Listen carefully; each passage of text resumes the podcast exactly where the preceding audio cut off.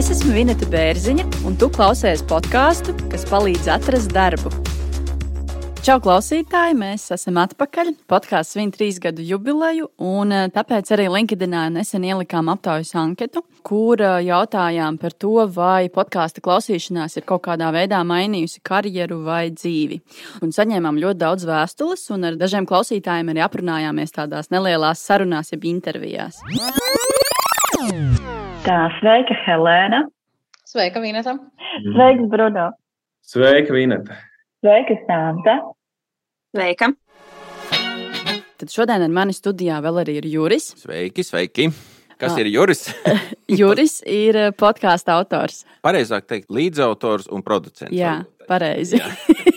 ļoti labi, ka tu mani palaboji. Jā. Sāksim varbūt ar to, ka bija ļoti derīgi paskatīties pašiem uz sevi no malas, un varbūt atgādini, kā bija noformulēts jautājums tajā LinkedIn aptaujā. Tātad jautājums, ko uzdevām mūsu klausītājiem, bija, vai podkāsts pirms darba ir mainījis vai ietekmējis tavu karjeru? Klausīsimies gabalus no intervijām un pieliksim kādu vārdu no sevis klāt. Jā, un interesanti arī tas, ka ļoti daudz saņēmām vēstules, un ļoti daudz kas interesants un derīgs bija arī tajās. Jā, piemēram, piemēram nocitēšu tūlīt. Mm -hmm. Piemēram, mūsu klausītāja Ingūna rakstīja par to, ka ir noklausījusies visas epizodes, un tas viņai lika pārdomāt, kā virzīties pa karjeras kāpnēm. Kad viņa atgriezās no bērnu kopšanas atvaļinājuma, viņa nostrādāja tikai sešus mēnešus un saņēma jau algas pielikumu un augstāku amatu. Un viņa teica, ka podkāsts esot viņu iedvesmojis. Mm. Algas pielikums, tas labi izklausās. Žēl, ka mums nav algas pielikuma par to, ka mēs esam palīdzējuši kam Ingūnai. jā, kā? Ingūnai. Jā, jā, Ingūnai. Apsveicam tevi ar algas pielikumu. Vispirms, varbūt, kas interesē mūsu podkāstā, tos cilvēkus, kuri nav darba meklējumos, kāda ir tava versija? Ko tu esi pamanījusi, vai ko tu esi uzzinājusi, vai pa šo laiku noskaidrojusi? Jā, nu, tas ir tāds cilvēku tips, kuriem interesē, kas notiek apkārt, kas notiek karjerā, darba meklēšanā. Un, nu, iespējams, ka viņi nav tie paši lojālākie darbinieki savā uzņēmumā. Viņi ir atvērti. Mm. Tātad viņi skatās, kur ir kaut kas labs, nu, teiksim, tā kaut kādi labi piedāvājumi. Bet šādi cilvēki iespējams viņi ir tādi Uh, varbūt tādi brīvāk domājoši, iespējams, jo es zinu arī konkrēti cilvēkus, kuri nav darba meklējumos, un viņi saka, es neklausos podkāstu, jo es neesmu darba meklējumos. Līdz ar to podkāstu klausās tāds cilvēks, kuram interesē vienkārši karjera, darba meklēšana, cilvēku stāsti, kurš ir tāds atvērts, tā kā tāds sūklīts un visu grib uzsūkt. Un kāpēc tavs sajūtas, ja viņas sadala tie, kur ir darba meklējumos un kur nav darba meklējumos, nu, kādas tās proporcijas ir, kā tev šķiet? Nu, man šķiet, ka tas ir 40, 60, 60 varētu būt uh, tie darba meklētāji un 40 nu, vai nu tādi pasīvie darba meklētāji vai tie, kuri nu, nav darba meklējumos. Un pasīvie tas nozīmē, ja nu kaut kas foršs ir, nu, tad, tad varu pieteikties vai arī mani uzrunā. Bet tas, ko es arī pamanīju no, no klausītājiem, tad uh, cilvēki dara tā, tad, kad ir darba meklējumos, tad viņi bez mazliet pēc kārtas klausās tās visas uh, intervijas, jo viņiem tas ir aktuāli. Bet tas ir interesanti, jo nav jau tā, ka tu klausoties, vari dabūt, dzirdēt kaut ko tādu kas tieši tev kaut kā palīdz. Un tāpēc es īstenībā pat ļoti nobrīnos un esmu ļoti priecīga, ka ir visas noklausītas epizodes. Jo man nav neviens tāds podkāsts, kuras būtu visi, nu, izņemot pirms darba, kuras visas epizodes esmu noklausījusies. Tas tiešām tāds wow. Mm -hmm. nu, Bruno bija stāsts par šo. Kāpēc sanāca noklausīties visas epizodes? Tāpēc, kad uh, kādu brīdi dzīvoju Cārnikavā, kas ir pierīga. Un uh, līdz darbam man bija jābrauc aptuveni nu, 30, 40 minūtes turp un atpakaļ ar visiem sastrēgumiem. Un tad, uh, braucot mašīnā, liku un, un klausījos epizodes, jā, un, un tas ir vislabākais variants, tāpat radio vietā un tā. Un... Bet atceries vispār, kā tu pamanīji šo pirms darba podkāstu, vai kur viņi tā kā ieraudzīja, kāds sāk viņu klausīties? Es vispār tajā 21. gadā man pašam parādījās tāda podkāstu nu, klausīšanās, tāda epopeja, ka viss nu, tagad jādara kaut kas, kaut kā ar sevi jātīst. Uh, vispār sākās 20. gadā, kad uh, es pats meklēju darbu. Bet tad es vēl tieši jā, neklausījos pirms darba. Pirms darba jau sāku klausīties, kad bija atrasts darbu. Bet bija kaut kāda lapa, kur izmeta rekomendācijas. Tur bija arī pirms darba. Un tad es domāju, nu, nu jāpamēģina. Un tad es sāku klausīties, un man patika klausīties par to, ar ko es pats biju saskāries, kad es meklēju darbu. Un ka Jā. vienkārši tie viedokļi, viss vis tas sakrita, nu, daudz kas jā, par tiem meklējumiem, tiem jautājumiem, vai es vispār dabūšu darbu. Un, uh, tu saproti, nu, ka uh, daudz cilvēku ar to saskarās. Tev jau liekas, tajā brīdī, kad tu meklē to darbu, vai ka ir kaut kāda problēma, citreiz tu liekas, ka Dievs tas vienīgais. Jo, protams, tu jau domā par sevi. Jā. Bet tu saproti, ka ir ļoti daudz cilvēku, nenormāli daudz cilvēku. Saskars ar tādiem pašiem jautājumiem. Jā, kas saskars ar tādiem pašiem jautājumiem. Un, ja nemaldos, bija dažas epizodes, ar kurām man sakrita tas, ko es teiktu tā laika, es 20. gadā, ka ņem vairāk riskē un dodies uz tām intervijām, lai vienkārši gūtu to pieredzi, kā Mhm. kas viss kā notiek. Jo tas vispār bija mans pirmais gads, vispār 20. gads, kad es tā sāku meklēt darbu, jo es iepriekš biju nostrādājis arī piecus gadus vienā citā darbā ar visām praksēm, te, tehnikumos un, un, un, un augstskolās. Un, Un tad man bija tāds pagrieziena punkts, es prom no tā darba. Tu esi pieredzējis, un viss tev kaut kas jāmeklē jauns, un bija atbilstoši tai savai profesijai, tam um, loģistikas bakalauram, ko es biju dabūjis. Ja? Un, un, un, man liekas, no pašas pirmās epizodes, kur bija tas Džeks, Kristaps, viņš sauc, ja nemaldos. Jā, Kristaps Eikmanis, Viena no jā. pirmajām, man liekas, Jā, jā, ku- ar kuru man ļoti daudz sakrit. Viņš minēja to pašu, kā man bija 20. gada vasarā. Tu sūti, tu ej uz intervijām, nav, nav pozitīvs atsauksmes, nav atbildes, nav tu neko visu tev. Un tad ir tas jautājums, tu sevi mēģini mierināt iekšā, bet tev tā kā vai es dabūšu darbu. Un atkal nav. Atkal, vai būs, kad būs. Ok, bija vasara, es it kā baudīju, viss bija kārtībā. Es nu, dzīvoju pie vecākiem tajā laikā, man it kā nebija ne par ko jāuztraucas, bet tev iekšēji. Nu, protams, man bija, es teikšu, atklāt, varbūt bija šī sakāps galvā. Es esmu dabūjis augstskolas diplomu, lūdzu, es esmu gatavs tirgumu, ņemiet mani. Bet tā realitāte bija tāda, ka jau vecīt, nu, varbūt vajadzēja kaut kur praksē iet, vai ir jāiet kaut kur, nu, sākt tā strādāt, nu, kur tev varbūt nemaksās, bet uh, vismaz tā tev, nu, tas būs tavs ieguldījums nākotnē tam darbam, kur tev pēc tam viņš izveidosies kā stabils pamatdarbs. Nu, protams, ka pēc tam jau, kad tu nesāc meklēt jau caur to CVLV, bet tu sāc caur galiem un paziņām. Un tā arī bija. Un šajā darbā, kurā es nonācu, arī nu, caur paziņām. Nebija Jā, tas, tas ir varbūt, jā, labākais veids arī, kā meklēt ir- darba paziņu, jā, kontaktu. jā. Tas ir numur viens, Nu, kā arī vajadzētu jā, mēģināt savā ziņā visu iedarbināt. Vai tāda lieta kā podkāsts vispār var tā nopietni palīdzēt cilvēkiem? Vai tas tomēr no sevis mierināšanai un tādai laika kavēšanai, vai tam ir kaut kāda praktiska jēga, tavuprāt? Nu, es domāju, tas ir tik, cik dziļi pats cilvēks tam pieiet klāt. Nu, pirmkārt, ko viņi meklē, un ko es arī sadzirdu no citiem, ir tas, ka vieni iedvesmojas, citi grib dzirdēt kaut kādus padomus, nu, piemēram, pirms darba podkāstā, un otrs, ko es arī sadzirdēju no šīm sarunām, cilvēki saklausa sevi, kad viņi ir bij- līdzīgi darījuši vai domājuši, un ka viņi tādi nav vienīgie uz pasaules, kuriem varbūt nav paveicies vai ir izgāzušies, ir, bijuši, ir bijis nērti, vai nav iegūts karotais darba piedāvājums, vai izgāzuši- izgāzušies darba intervijā.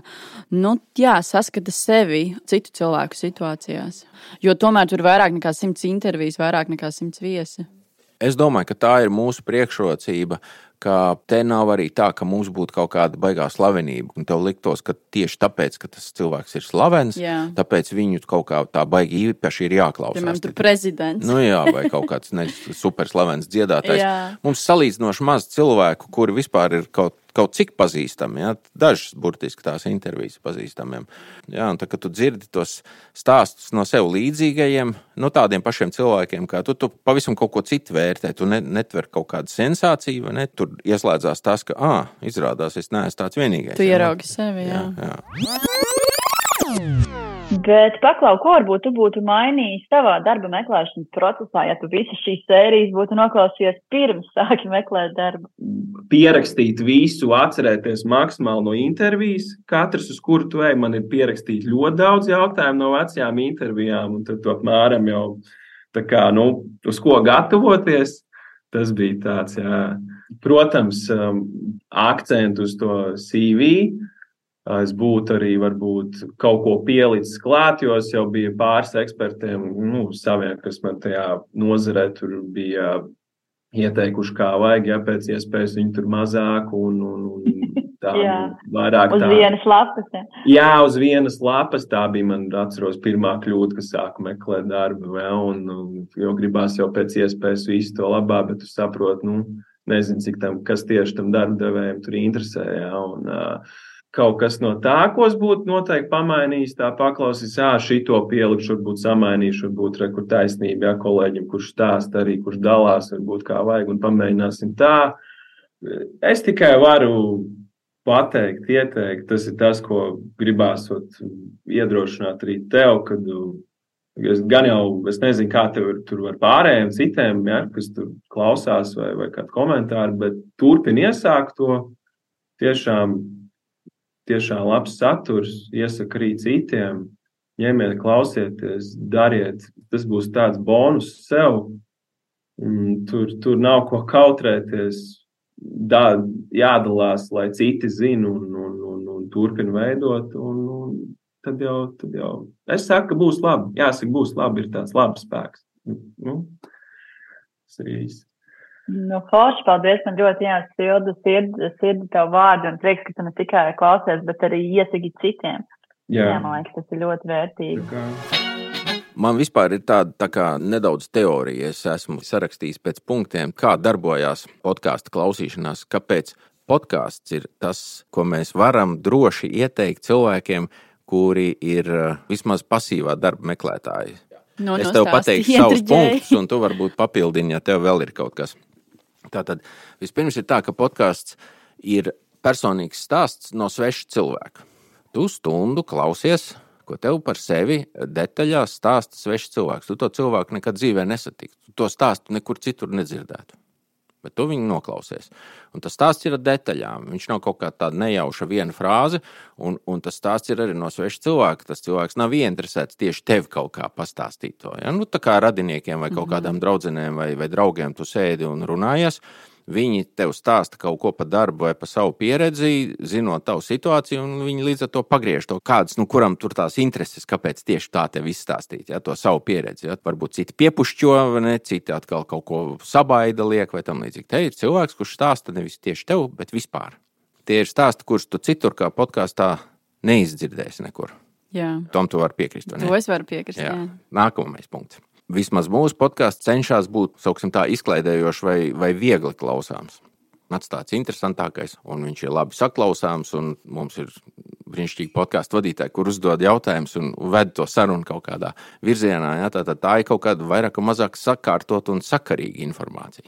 Jā, un vēl varētu pieminēt to par valodu, ka podkāstam, manuprāt, ir tāda Es pat nezinu, kā lai noraksturo tādu nu, viegli saprotamu valodu, ka tur nav uh, tādi mega sarežģīti termini. Cilvēki jautas podkāstā ik pēc uh, pusvārda jāpārjautā, ko tas nozīmē.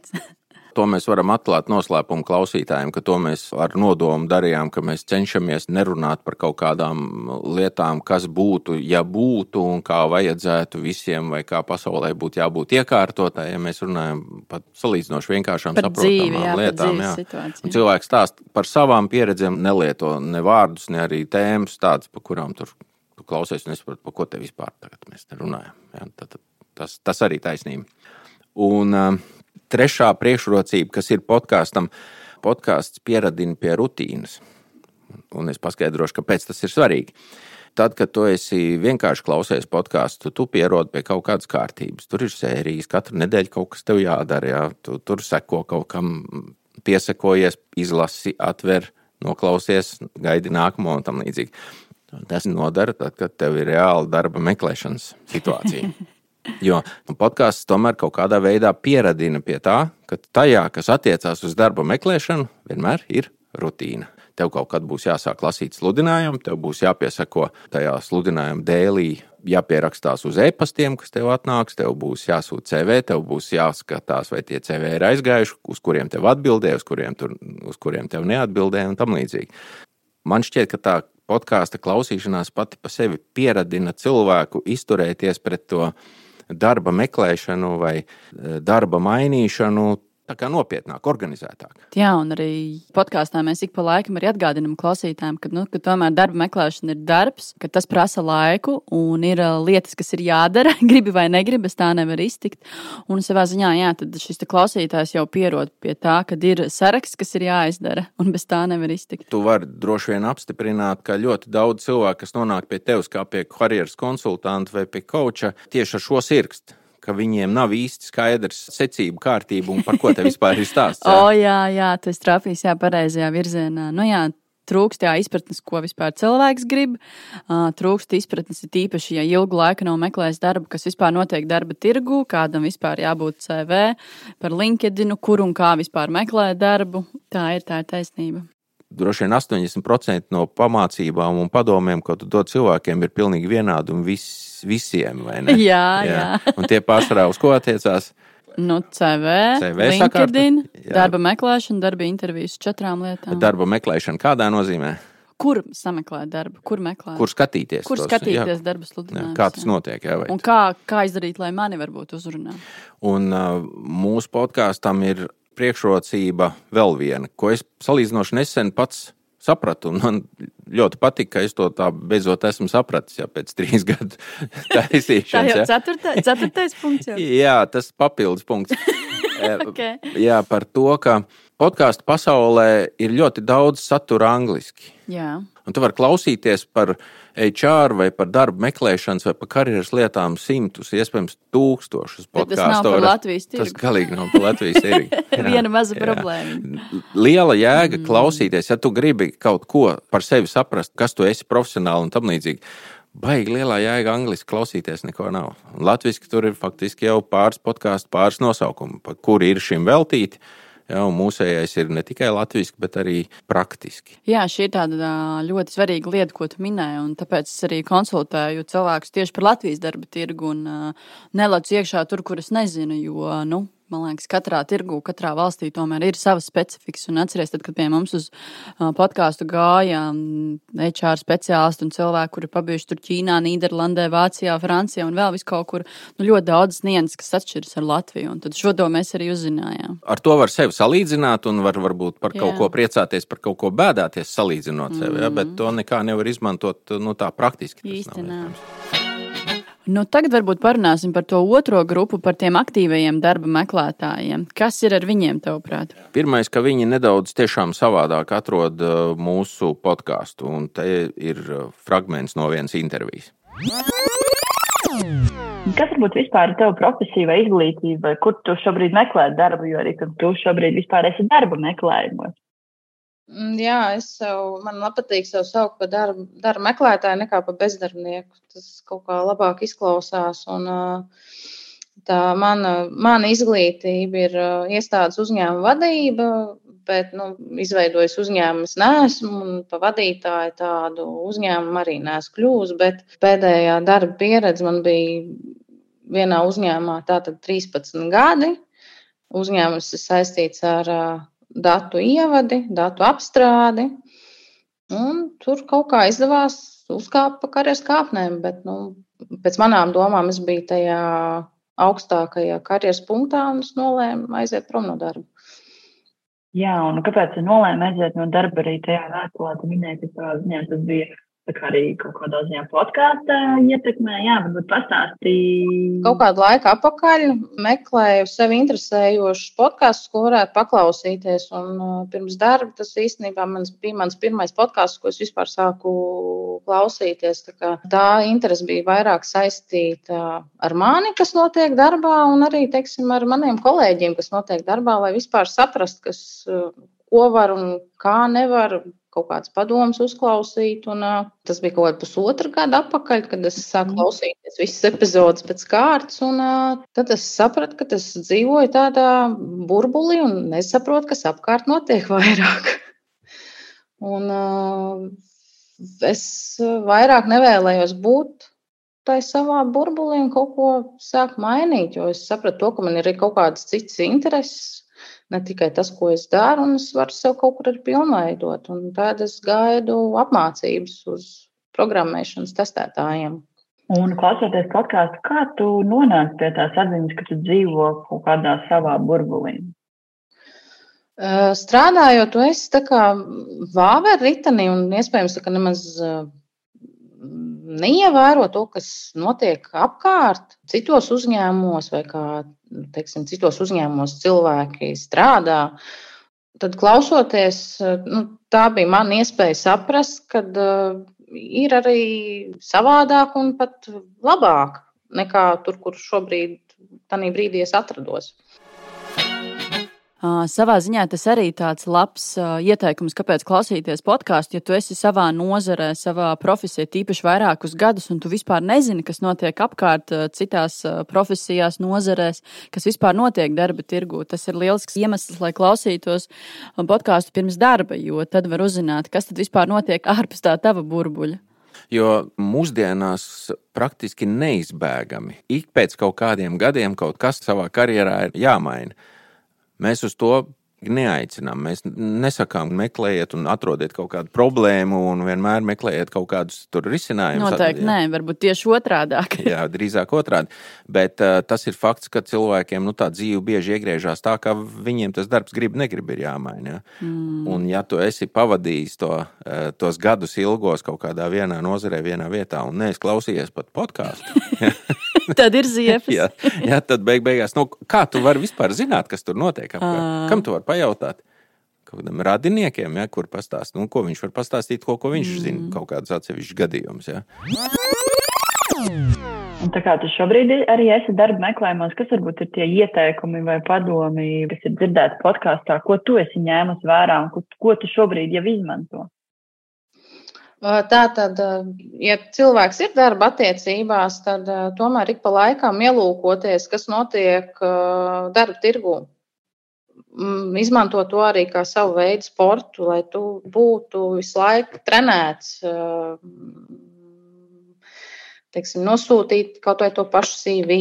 Pēc tam arī aiziet uz, ja tiec līdz intervijai, tad uh, zināt, kā intervijā uzvesties.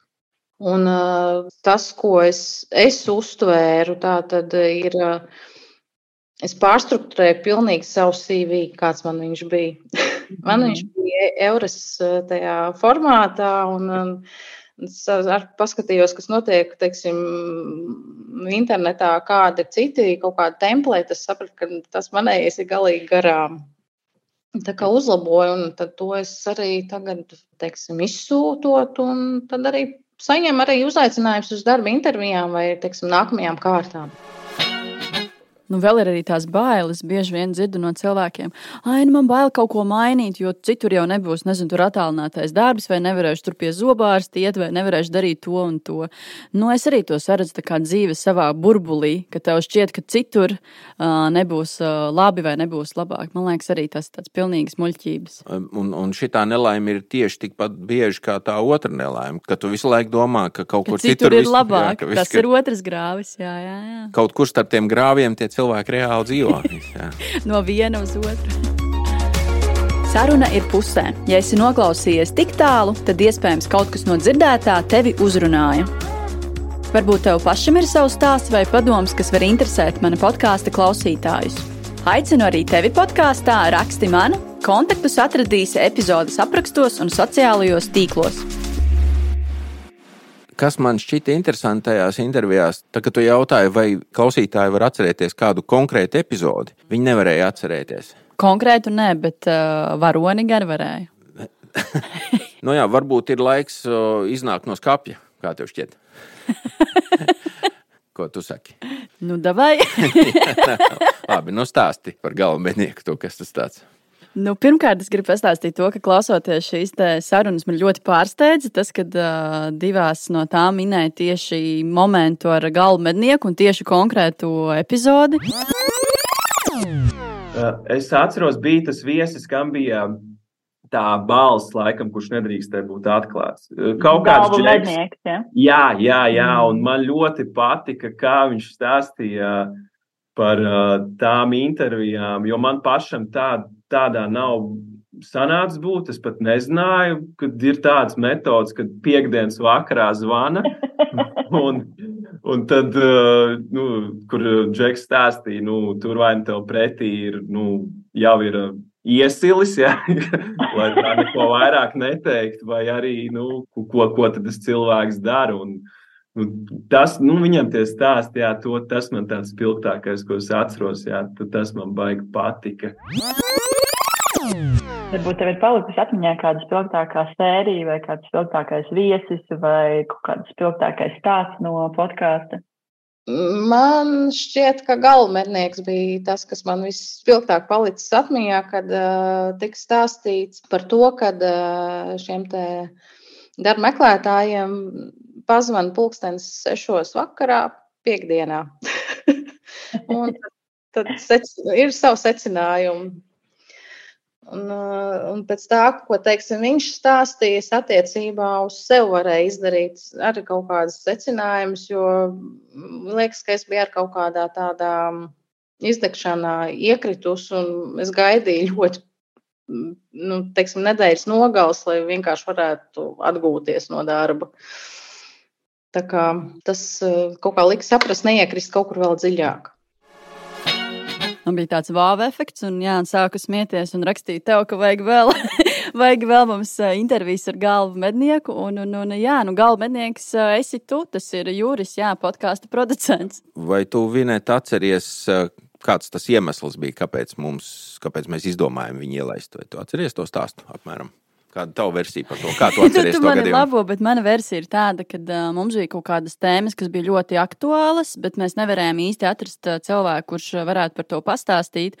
Un tad uh, nu, jēdzī, jēdzīgākais un uh, labākais variants bija tu attiecīgi, bet tad mēs domājam, kā to pasniegt tā, lai tas būtu kā lai to pasaka, tas būtu galvu mednieks, jā, un tā nebūtu tava balss. Jā, jo mēs sākot podkāstu cerējām, ka mums te tā kā rinda stāvēs visādi jā, personāla jā. atlases cilvēki, kur gribēs izstāstīt visu ko par personāla atlasi, tā kā nu par virtuvi. Mm. Jo mūsu klausītāji ir darba meklētāji, viņus varbūt interesē, kas tajā personāla atlases virtuvē tur notiekās. Mm. Nu, ko viņi domā tie personāla atlases cilvēki par to? Kāpēc viņi šitā dara un tā? Bet uh, tie cilvēki, kuri bija gatavi kaut ko komentēt, viņi komentēja tādu nu, to, ko var LinkedInā izlasīt. Tā teikt, iepakojuma papīrs, un nu, iekšā tur ir tā kā desa fabrikā. Nu, tad, lai no tā būtu jau kāda jēga, bija jāatļaujās teikt lietas, kuras varbūt neskaitās, uh, neskaitās tā ļoti pareizi. Zolīdas, jā, jā. Nu, tā. Patiesībā jau tā arī ir, ka tie personāla atlases cilvēki, kuri ir iekšā aktīvajā biznesā, neko tādu nedrīkst teikt, Protams, jo, jo viņus dzird viņu priekšnieki un viņus dzird viņu klienti. klienti jā. Jā, un ko tad viņi padomās? Jā? Tā kā, ja kādu ir ieinteresējis šis stāsts un, un viņš nav dzirdējis galvu mednieku uzstāšanās, droši patiniet atpakaļ mūsu epizodēs. Tur varat paklausīties. Un kopš šī brīža tas vairs nav nekāds noslēpums, bet par to, vai tas gala mednieks atgriezīsies, um, nezinu. Ja atgriezīsies, tad droši vien jau bez balss efekta. nu, Man... Blogu arī, starp citu, var palasīt gala mednieks.com. Tur arī diezgan uh, interesanti aprakstīts jā, process. Bet, jā, bet tā, jā, bet arī tur, man liekas, pēdējais ieraksts ir kāds trīs gadus vecs. Nu, nekas, bet tur jau diezgan uh, daudz ko palasīties. Nu, droši, ja, ja Vineta saka, ka tas ir tā vērts, tad droši vien varat Vinetai ticēt. Viņai gal galā cilvēku naudu maksā par viņas padomiem citreiz.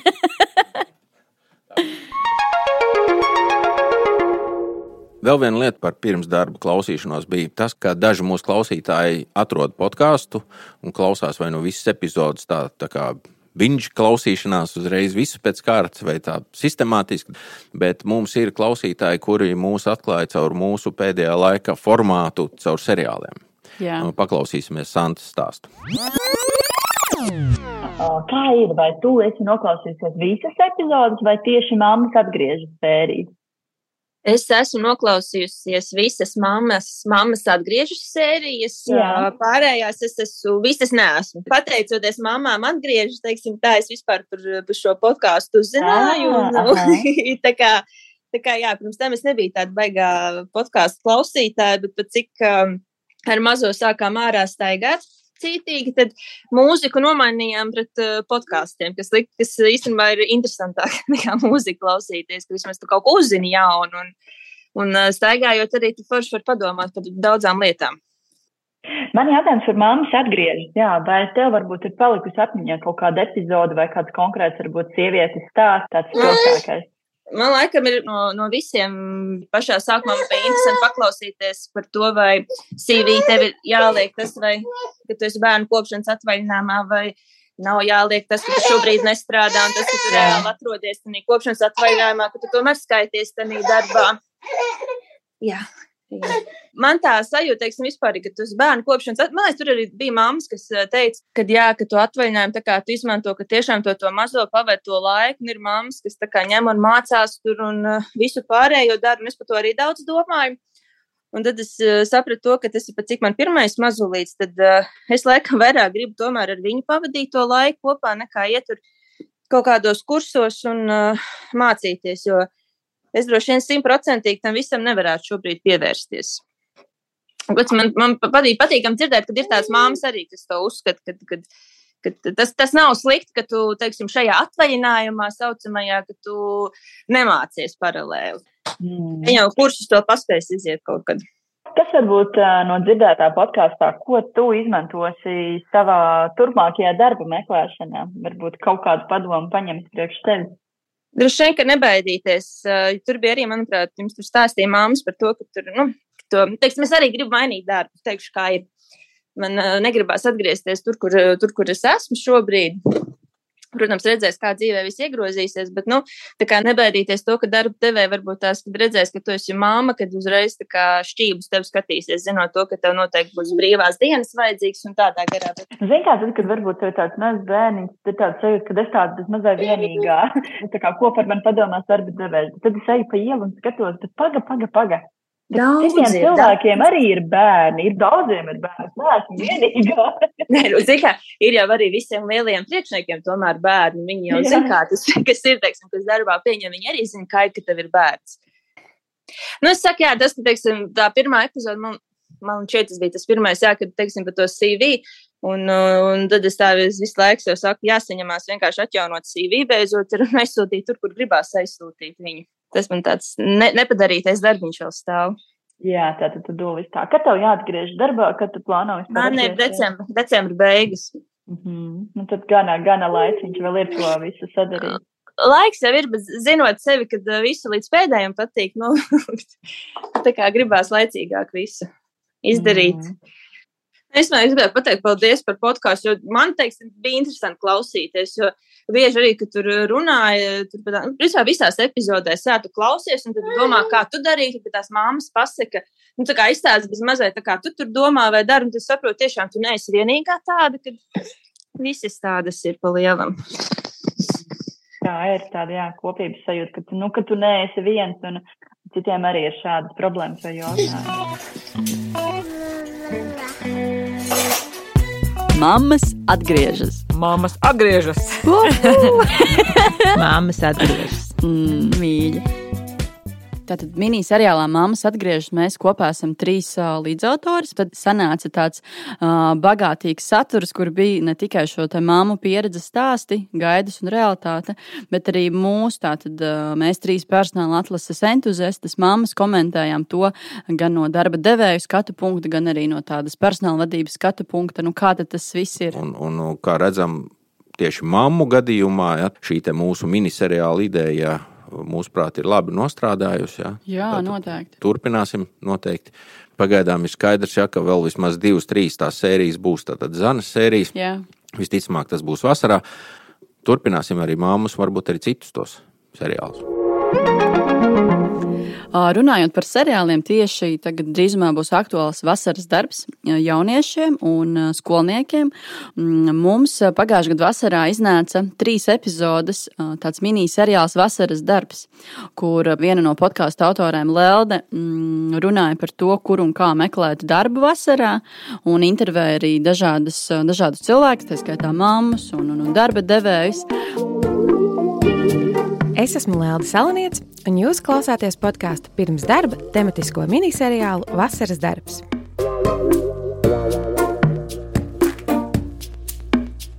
Pagājušā vasarā tas seriāls varbūt drusku pat nokavēja, jo viņš iznāca tad, kad jau tie pusauģi jau gandrīz vai sāk strādāt. Tagad ir maija, tagad tūlītās beigsies skola. Tā kā īstais brīdis šīs trīs epizodes noklausīties.